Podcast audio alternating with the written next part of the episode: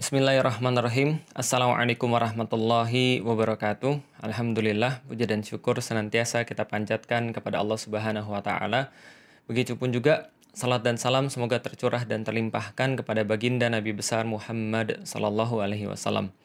Alhamdulillah kita bisa jumpa lagi uh, di kesempatan kali ini. Hari ini hari ke-26 dan nanti malam adalah malam ke-27. Masya Allah. Mudah-mudahan Allah kuatkan kita untuk senantiasa beribadah di bulan Ramadan ini dan senantiasa mendapatkan uh, bagian-bagian daripada apa yang telah Allah sediakan berupa keberkahan demi keberkahan. Alhamdulillah uh, potongan baru. Ah, sorry kalau silo. kalau silau itu berarti ada yang mantul dari kepala saya karena kepala saya sangat bercahaya gitu ya. Alhamdulillah. Uh, teman-teman sekalian, Uh, sedianya kemarin saya bilang bahwa kita hari ini akan coba untuk tanya jawab, tapi uh, kita akan coba selesaikan dulu uh, pembahasan kita karena hari ini ada satu lagi pembahasan yang perlu kita selesaikan di bab yang pertama tentang life is choice. Dan kita kemarin sudah bahas bahwasanya setiap pilihan-pilihan itu mengharuskan adanya konsekuensi. Dan semakin besar pilihan yang akan kita buat, mengharuskan ada konsekuensi yang juga lebih besar yang harus kita buat, yang harus kita penuhi. Orang-orang yang menginginkan e, menuju pada surganya Allah, tentu saja mereka akan punya konsekuensi yang lebih besar. Karena surga Allah sesuatu yang istimewa, sesuatu yang tidak mungkin dicapai dengan berleha-leha. Maka kalau ada orang bilang, e, muda foya-foya, tua kaya raya, mati masuk surga, ini bertentangan dengan life is choice. Hidup adalah pilihan. Maka di dalam uh, kehidupan Rasulullah Shallallahu Alaihi Wasallam bahkan beliau pun mencontohkan sendiri ketika beliau memilih untuk menjadi seorang hamba Allah yang melaksanakan seluruh perintah Allah, maka Rasulullah juga memastikan agar setiap perbuatan-perbuatan beliau sesuai dengan perintah Allah, yang berarti adalah cobaan yang lebih besar di dunia, hambatan-hambatan yang mungkin dirasakan oleh beliau sangat luar biasa, sehingga beliau uh, menguatkan dirinya dan juga menguatkan para sahabatnya bahwa inilah jalan yang telah dipilih oleh mereka. Ihdinas siratal mustaqim, tunjukkan kami jalan yang lurus sebagaimana kita sebutkan di dalam uh, suratul Fatihah yang kita baca 17 kali sehari. Ini adalah jalan yang menunjukkan uh, kepada surganya Allah. Yang memastikan di dalam jalan itu ada kemarin kita sudah bahas al-ba'sa wa wa zulzilu ada propaganda-propaganda, ada fitnah-fitnah, ada ejekan-ejekan, ada makian-makian, ada juga deraan-deraan, ada juga ancaman fisik, dan juga ada zulzilu, ada sebuah uh, ancaman juga terhadap orang-orang kita cintai. Orang-orang kita cintai bakal tersakiti. Ini adalah salah satu orang yang ketika meniti jalan menuju kebaikan di dalam Islam atau jalan menuju uh, jalan yang lurus ihdinas siratal mustaqim.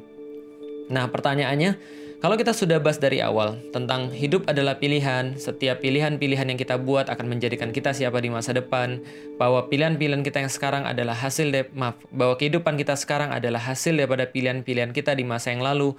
Lalu kemudian kita juga sudah bahas kalau seandainya kita memilih tentang sesuatu, pasti kita tidak akan bisa memilih tempat yang lain di saat yang sama, karena cuma ada satu pilihan yang bisa dibuat dalam satu waktu. Begitu juga dengan konsekuensi. Semakin besar pilihan yang kita buat, maka semakin besar uh, pengorbanan yang harus kita lakukan. Pertanyaannya, untuk apa kita melakukan semua itu? Untuk apa kita memilih jalan yang sulit? Kenapa kita tidak memilih jalan yang mudah di tempat orang semuanya ada di situ? Karena jalan yang mudah pasti banyak orang di situ. Kenapa kita memilih jalan yang sulit? Kenapa kita memilih jalan yang lebih banyak cobaannya? Sebagaimana yang telah dikatakan, Ihdinas siratal mustaqim siratal ladzina an'amta alaihim ghairil maghdubi alaihim waladdallin. Kenapa kita minta pada Allah jalan yang lurus, jalan yang diberikan nikmat kepada mereka? Padahal nikmat itu ternyata menurut orang-orang kebanyakan adalah sesuatu yang sulit, sesuatu yang sengsara. Kenapa kita minta? Kenapa kita nggak minta jalan yang biasa? Jawabannya sederhana, karena manusia itu senantiasa terbagi dua. Pertama, manusia istimewa, yang kedua adalah manusia yang biasa. Dan kita senantiasa bisa memilih mau jadi yang biasa atau mau jadi yang istimewa. Dan perlu kita tahu, biasa dan istimewa itu sangat berbeda. Contoh, kalau kita bicara tentang orang yang biasa, maka jumlahnya pasti banyak. Sementara kalau kita bicara tentang orang istimewa, jumlahnya pasti sedikit. Lihat aja orang-orang yang nonton bola. Orang-orang yang nonton pertandingan bola yang banyak itu berarti yang biasa. Yang sedikit itu berarti yang istimewa. Lihat, kalau orang-orang nonton pertandingan bola, yang nonton sama yang main, kira-kira lebih banyak mana? Yang nonton atau yang main?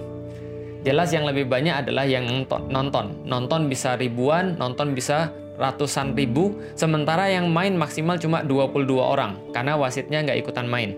22 orang main, dua tim 11 lawan 11. Berarti yang main itu sedikit, sedangkan yang banyak itu senantiasa uh, biasa yang sedikit itu istimewa, yang banyak itu senantiasa biasa. Apa perbedaan di antara mereka? Yang banyak itu nonton dan bayar.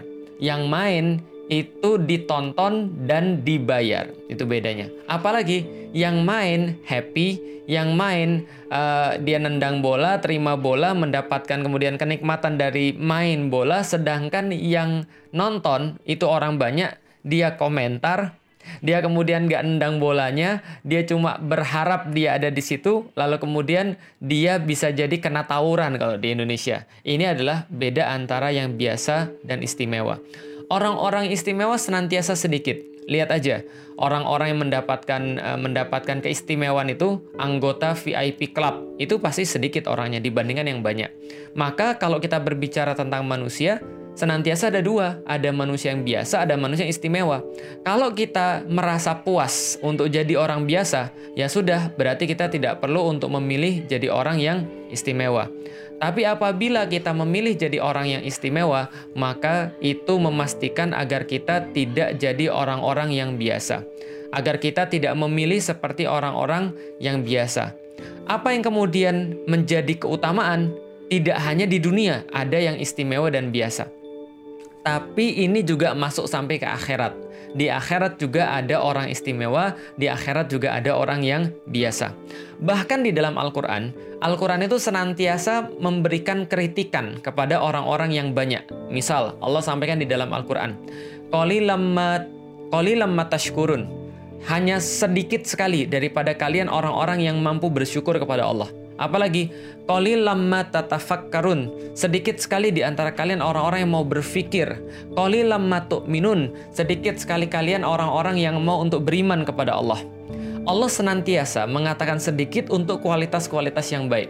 Wa wa min syakur dan sedikit sekali di antara hamba-hamba Allah itu yang mampu untuk bersyukur pada Allah. Apalagi yang Allah katakan misalnya, kam fiatin qalilatin golabat fiatan kasirah dan seberapa banyak kalian lihat kelompok-kelompok yang kecil itu dapat mengalahkan kelompok yang banyak.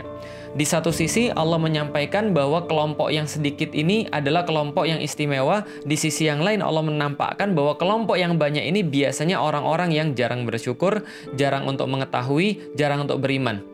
Walakinna aktsaran nasi la ya'lamun. Akan tetapi sedikit daripada manusia yang mengetahui. Tapi Allah memuji golongan-golongan yang sedikit. Allah kemudian mengkritik golongan-golongan yang banyak. Misalnya dalam ayat yang lain lagi, "Walaqad zara'na li jahannama katsiran minal jinni wal ins." Betapa banyak daripada golongan-golongan manusia, da, uh, betapa banyak dari golongan-golongan jin dan golongan-golongan manusia yang akan masuk pada neraka jahanam. Kenapa? Lahum qulubu la yafqahuna biha, walahum a'yunun la yubsiruna biha, walahum ay, uh, walahum a'yunun la yubsiruna biha, walahum azanun la yasma'una biha, ulaika kal an'am balhum adol. Sesungguhnya telah masuk dalam neraka jahanam banyak daripada golongan jin dan manusia. Kenapa? Karena mereka dikasih akal nggak mikir, mereka dikasih mata nggak melihat, mereka dikasih telinga tidak mendengar. Mereka banyak tapi mereka kualitasnya sedikit. Rasulullah Shallallahu Alaihi Wasallam kemudian mengatakan, nanti di akhir zaman kalian tuh akan banyak. Akan banyak tapi seperti buih. Muslim tuh akan banyak tapi seperti buih. Kenapa seperti buih? Karena mereka sudah mulai dirasuki oleh sifat wahan. Wahan itu apa? Hubud dunia wa karahiyatul maut. Sesungguhnya mereka mencintai dunia, lalu mereka kemudian takut mati. Maka menjadilah mereka seperti orang-orang yang biasa. Karena orang-orang yang istimewa kualitasnya tidak terbatas pada itu. Sedikit sekali orang-orang istimewa. Oke, kita coba review pembelajaran-pembelajaran kita yang kemarin. Coba lihat tentang orang yang baca buku. Berapa banyak orang yang baca buku di Indonesia? 0,001. Jadi 0,001 persen. Berarti di antara seribu orang cuma satu orang yang hobi baca. Atau di antara di antara seluruh orang di Indonesia kalau setiap orang baca buku mereka cuma baca 0,001 daripada satu buku. Ini yang kemudian kita lihat, ini yang kemudian kita bisa tahu bahwa sedikit sekali orang-orang yang memang istimewa. Orang-orang main bola itu aja yang sedikit istimewa. Orang yang baca buku orangnya sangat sedikit sekali. Maka yang bisa kita simpulkan adalah orang sedikit itu istimewa, orang yang banyak itu adalah orang yang biasa. Dan orang-orang yang sedikit yang istimewa ini senantiasa dapat perlakuan-perlakuan yang lebih istimewa daripada yang lain. Dunia memang nggak adil. Kenapa? Karena dunia lebih cenderung, dunia lebih suka kepada orang-orang yang istimewa. Contoh misalnya, taruh lagi nih misalnya. Uh, kalau di zaman saya David Beckham, mungkin kalau zaman sekarang Cristiano Ronaldo taruhlah. Cristiano Ronaldo mampir di warteg Kebetulan yang punya warteg senang bola, taruhlah misalnya. Lalu kemudian dia makan di sana. Apa yang terjadi? Tukang wartegnya bilang, gratis, gratis, nggak ada masalah, gratis, gratis. Yang mana apa? Kamu foto aja sama saya. Kalau kamu mau foto sama saya, saya gratisin. Lalu Cristiano Ronaldo, duitnya banyak, lalu kemudian uh, mobilnya bagus, tapi makan di warteg dia digratisin. Antum sudah miskin, nggak punya mobil, uh, numpang pula, lalu makan di warteg disuruh bayar. Dunia nggak adil. Memang dunia nggak adil. Dalam tanda kutip, dunia tidak adil. Kenapa? Karena dunia selalu lebih suka pada orang-orang yang istimewa. Dunia lebih memprioritaskan orang-orang istimewa dan dunia tidak melihat orang-orang yang biasa. Artinya, kalau seandainya kita puas menjadi orang-orang yang biasa, maka pilihlah seperti pilihan orang-orang yang lain. Maka berbuatlah seperti yang orang-orang lain buat maka Anda cukup puas melakukan yang selama ini Anda lakukan kalau Anda pengen jadi orang-orang yang biasa. Dan masalahnya tidak sampai di situ. Masalahnya adalah ketika nanti kita di hari kiamat, ketika kita nanti dibangkitkan oleh Allah, maka kita pun bangkit sebagai orang-orang yang biasa, yang kebanyakan, yang tidak diperhatikan, yang mereka senantiasa tertipu dengan dunia.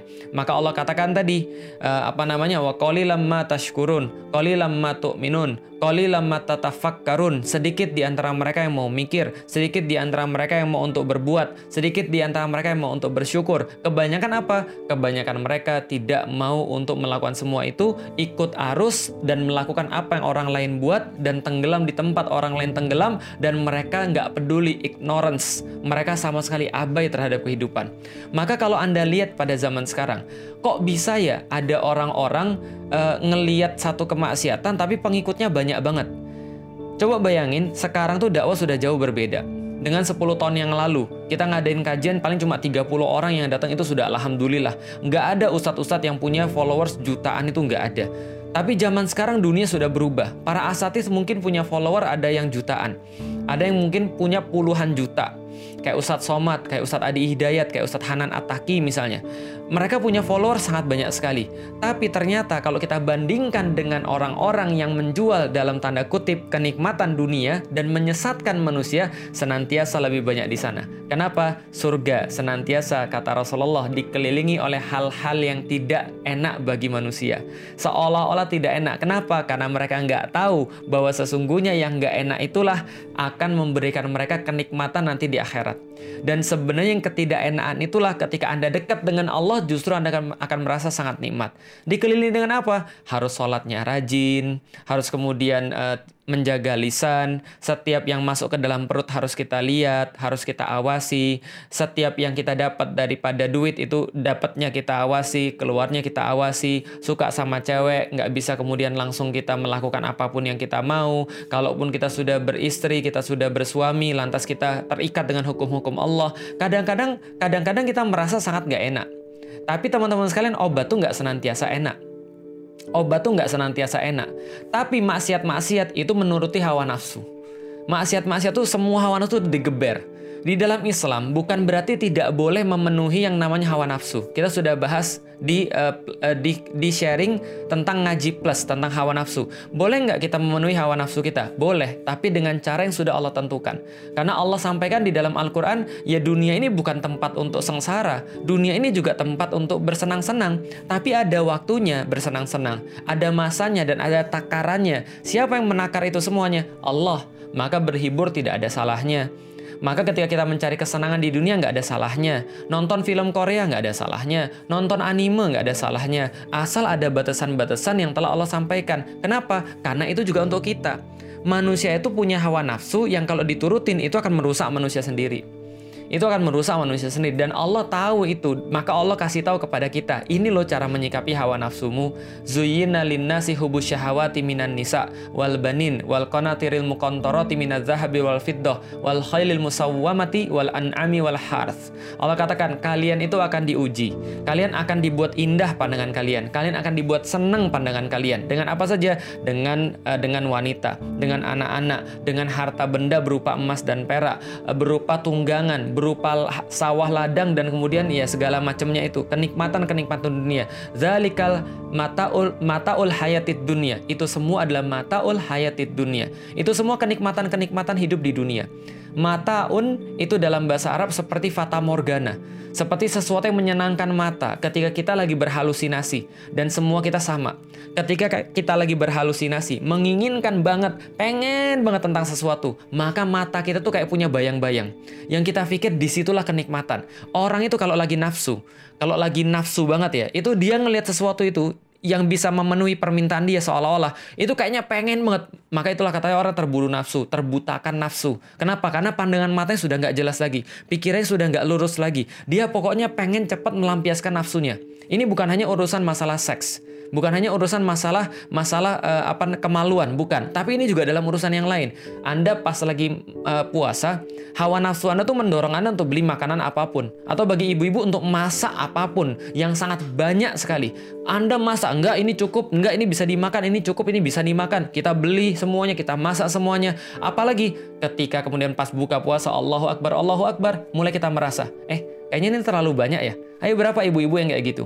Berapa berapa ibu-ibu yang masaknya ketika di sore hari merasa mereka bisa makan semuanya tapi di waktu buka puasa ternyata masih banyak sekali makanan-makanan yang tersisa. Kenapa? Sudah dibutakan hawa nafsu. Berapa banyak di antara laki-laki yang ketika pengen beli handphone baru, pengen kemudian untuk upgrade gadgetnya, lalu dia kemudian merhatiin terus, buka terus di YouTube, oh review tentang gadget ini, buka lagi review yang lain, entah berapa review yang sudah dia buat, 10 atau 15 yang sudah dia tonton reviewnya, terus ditonton lagi, terus dilihat lagi, dan dia merasa sangat ngiler sekali, sangat pengen banget, sangat mau banget untuk melampiaskan semua itu. Hawa nafsu, pengen melampiaskan. Ketika dia sudah beli, sehari, dua hari, tiga hari dipegangin terus, setelah itu, oh cuma gini aja ya. Nah, itu namanya terbutakan oleh nafsu. Maka orang-orang yang kemudian tidak terbutakan oleh nafsu inilah mereka yang dikatakan bisa wanahan nafsa anil hawa dan ini jumlahnya hanya sedikit. Jumlah mereka hanya sedikit sekali. Di masa Nabi Nuh, ketika Nabi Nuh berdakwah 950 tahun yang dikumpulkan cuma hitungan jari. Rasulullah Shallallahu alaihi wasallam ketika mengumpulkan orang-orang istimewa ini dalam waktu tiga tahun cuma ngumpul sekitar 40 orang, sorry 44 orang yang siap untuk mengemban dakwah.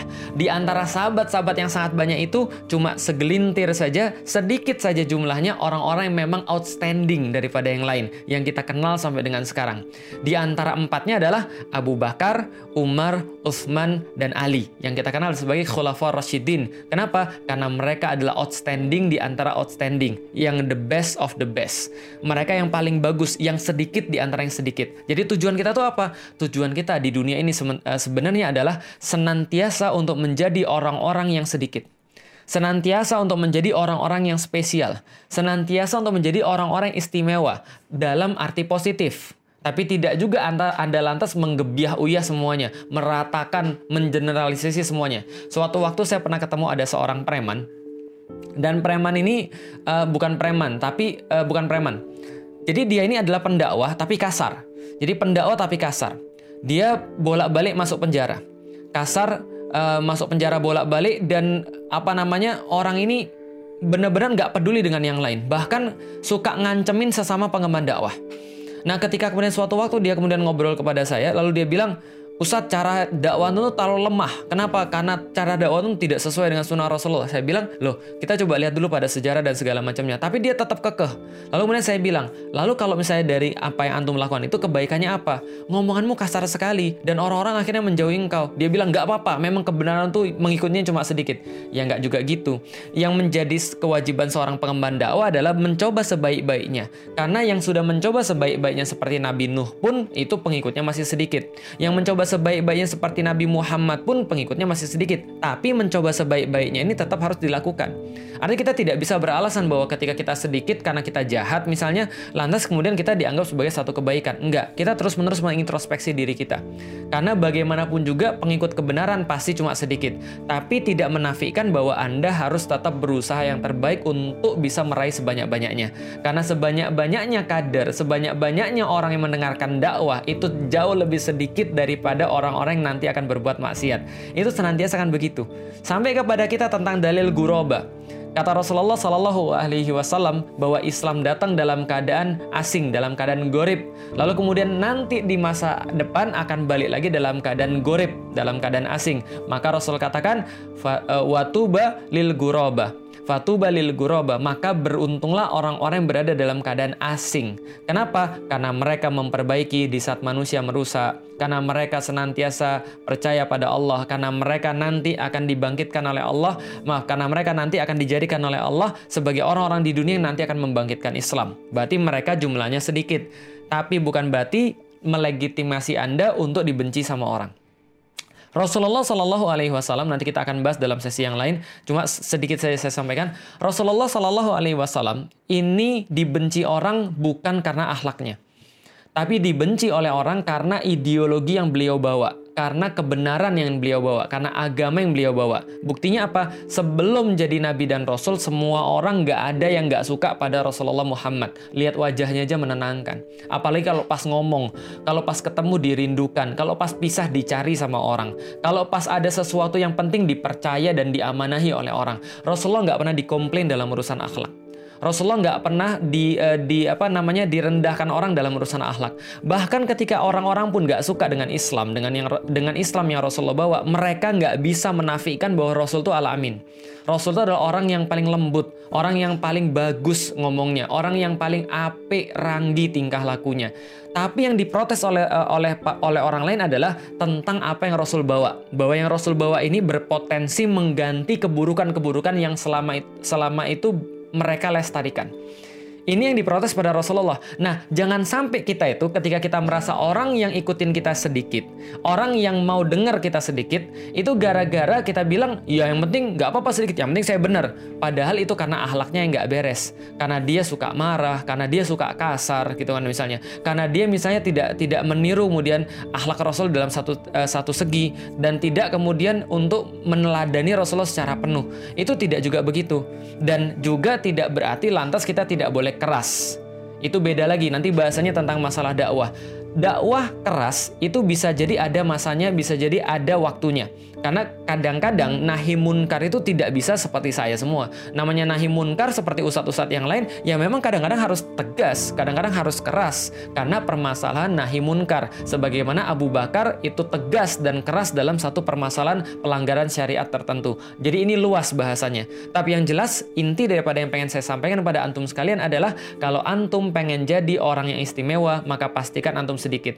Dan kalau antum sedikit, jangan banyak ngeluh karena itulah konsekuensi daripada orang-orang istimewa. Orang istimewa selalu sedikit, orang istimewa selalu diremehkan, orang istimewa bisa jadi adalah orang-orang yang dianggap gila pada zaman sekarang. Karena Rasulullah Shallallahu alaihi wasallam juga dianggap gila. Dan orang-orang yang sedikit ini senantiasa akan mendapatkan cobaan demi cobaan. Dan jangan ngeluh karena ini yang kita minta pada Allah. Apa yang kita minta pada Allah? Ya Allah, kami minta jalan yang lurus sekali lagi. Jalan yang lurus itu jalan apa? Jalannya para nabi, jalannya para syuhada, jalannya para siddiqin, jalannya para solehin, dan mereka sedikit. Maka jadilah orang istimewa bukan jadi orang yang biasa. Mau jadi yang mana? Biasa atau istimewa? Biasa orangnya banyak, biasa itu mudah, biasa nggak perlu efforts, biasa nggak perlu susah, tapi ujungnya nggak enak. Kenapa nggak enak? Karena di akhirat orang-orang banyak itu tidak istimewa. Tapi kalau mau menjadi orang yang sedikit, maka Anda harus keluarkan efforts lebih besar. Anda harus percaya lebih panjang, Anda harus lebih sabar, Anda harus lebih tahan, Anda harus lebih banyak untuk mengeluarkan segala macamnya berupa harta Anda ataupun jiwa Anda. Dan bisa jadi di sini Anda sulit, tapi nanti di hadapan Allah maka Anda menjadi orang-orang yang istimewa.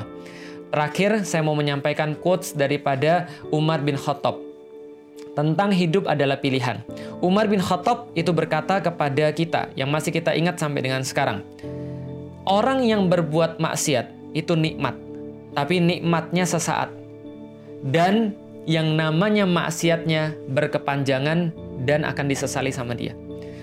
Orang yang berbuat maksiat itu nikmat, tapi nikmatnya sesaat, tapi dosanya tetap di sisi Allah Subhanahu wa taala. Sedangkan orang yang berbuat taat itu sakit dan sakitnya sesaat. Itu susah dan susahnya sesaat tapi pahala dia sudah tetap di sisi Allah Subhanahu wa taala dan nanti insya Allah mudah-mudahan mereka yang tertawa di saat orang-orang lain terdiam. Mereka yang wajahnya bercahaya di saat orang-orang lain wajahnya menghitam. Mereka yang diperbolehkan untuk berbicara di hadapan Allah ketika seluruh mulut-mulut terkunci. Mereka yang bisa mendapatkan kenikmatan-kenikmatan ditaruh di atas mimbar-mimbar cahaya di saat orang-orang yang lain berebutan mencari cahaya dan disuruh balik lagi ke belakang di dunia untuk mencari cahayanya sendiri. Saya berharap mudah mudah-mudahan saya termasuk di antaranya dan tentu saya mendoakan semua daripada teman-teman sekalian termasuk orang-orang yang memilih kehidupannya secara istimewa jangan mau jadi orang yang biasa jangan mau jadi orang yang banyak. Terus menerus jadi orang yang sedikit jadi orang yang elit. Orang yang elit itu adalah orang yang siap untuk berbuat lebih banyak daripada yang lain siap untuk berjuang lebih keras daripada yang lain siap untuk yakin lebih panjang daripada yang lain. Itulah orang-orang elit itulah orang-orang yang sedikit itulah orang-orang istimewa dan itulah insya Allah orang-orang orang yang nanti akan dimuliakan oleh Allah Subhanahu wa taala. Baik teman-teman sekalian ini bisa saya sampaikan. Insya Allah besok kita akan adakan Q&A, adakan diskusi khusus tentang bab life is choice, tentang masalah hidup adalah pilihan. Kita belum bahas tentang masalah takdir. Nanti mudah-mudahan setelah Q&A life is choice kita bisa bahas tentang masalah takdir sedikit untuk memahamkan diri kita supaya hidup kita lebih produktif dan kita nggak bahas terlalu banyak. Makasih teman-teman sekalian, insya Allah bermanfaat. Jazakumullah khair. Assalamualaikum warahmatullahi wabarakatuh.